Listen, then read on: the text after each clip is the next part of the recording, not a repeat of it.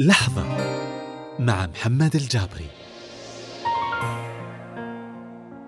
في علم النفس سووا تجربة على عدد من الناس وقسموهم القسمين.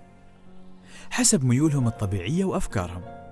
القسم الأول يميلون أكثر للتشاؤم يعني دوم عندهم المستقبل شيء مجهول وعر وخطر ويحتاج لدرجة عالية من الحذر. أما القسم الثاني يميلون أكثر للتفاؤل يعني يتوقع دوم أن اللي جاي أو المستقبل دائما أفضل. وبعد عدة اختبارات النتائج بينت أن القسم الأول اللي هو قسم المتشائمين كانوا أفضل وأقوى من المتفائلين من حيث الدقة والحكم في الأمور. كلام جميل صح؟ لا طبعا لأن بعد عدد من السنين اكتشفوا نتائج جديدة. المتشائمين كانت حياتهم بنسبة عالية جدا فيها فشل.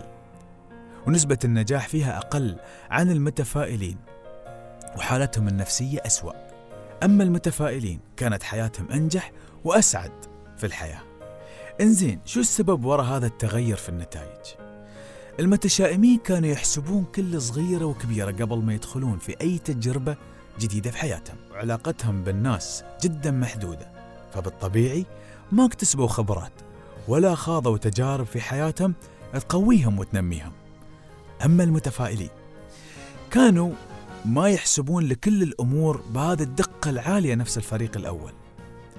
بالعكس كانوا يحبون أنهم يغلطون عشان يتعلمون وكان شغلهم الشاغل هو الفوز مش الخسارة.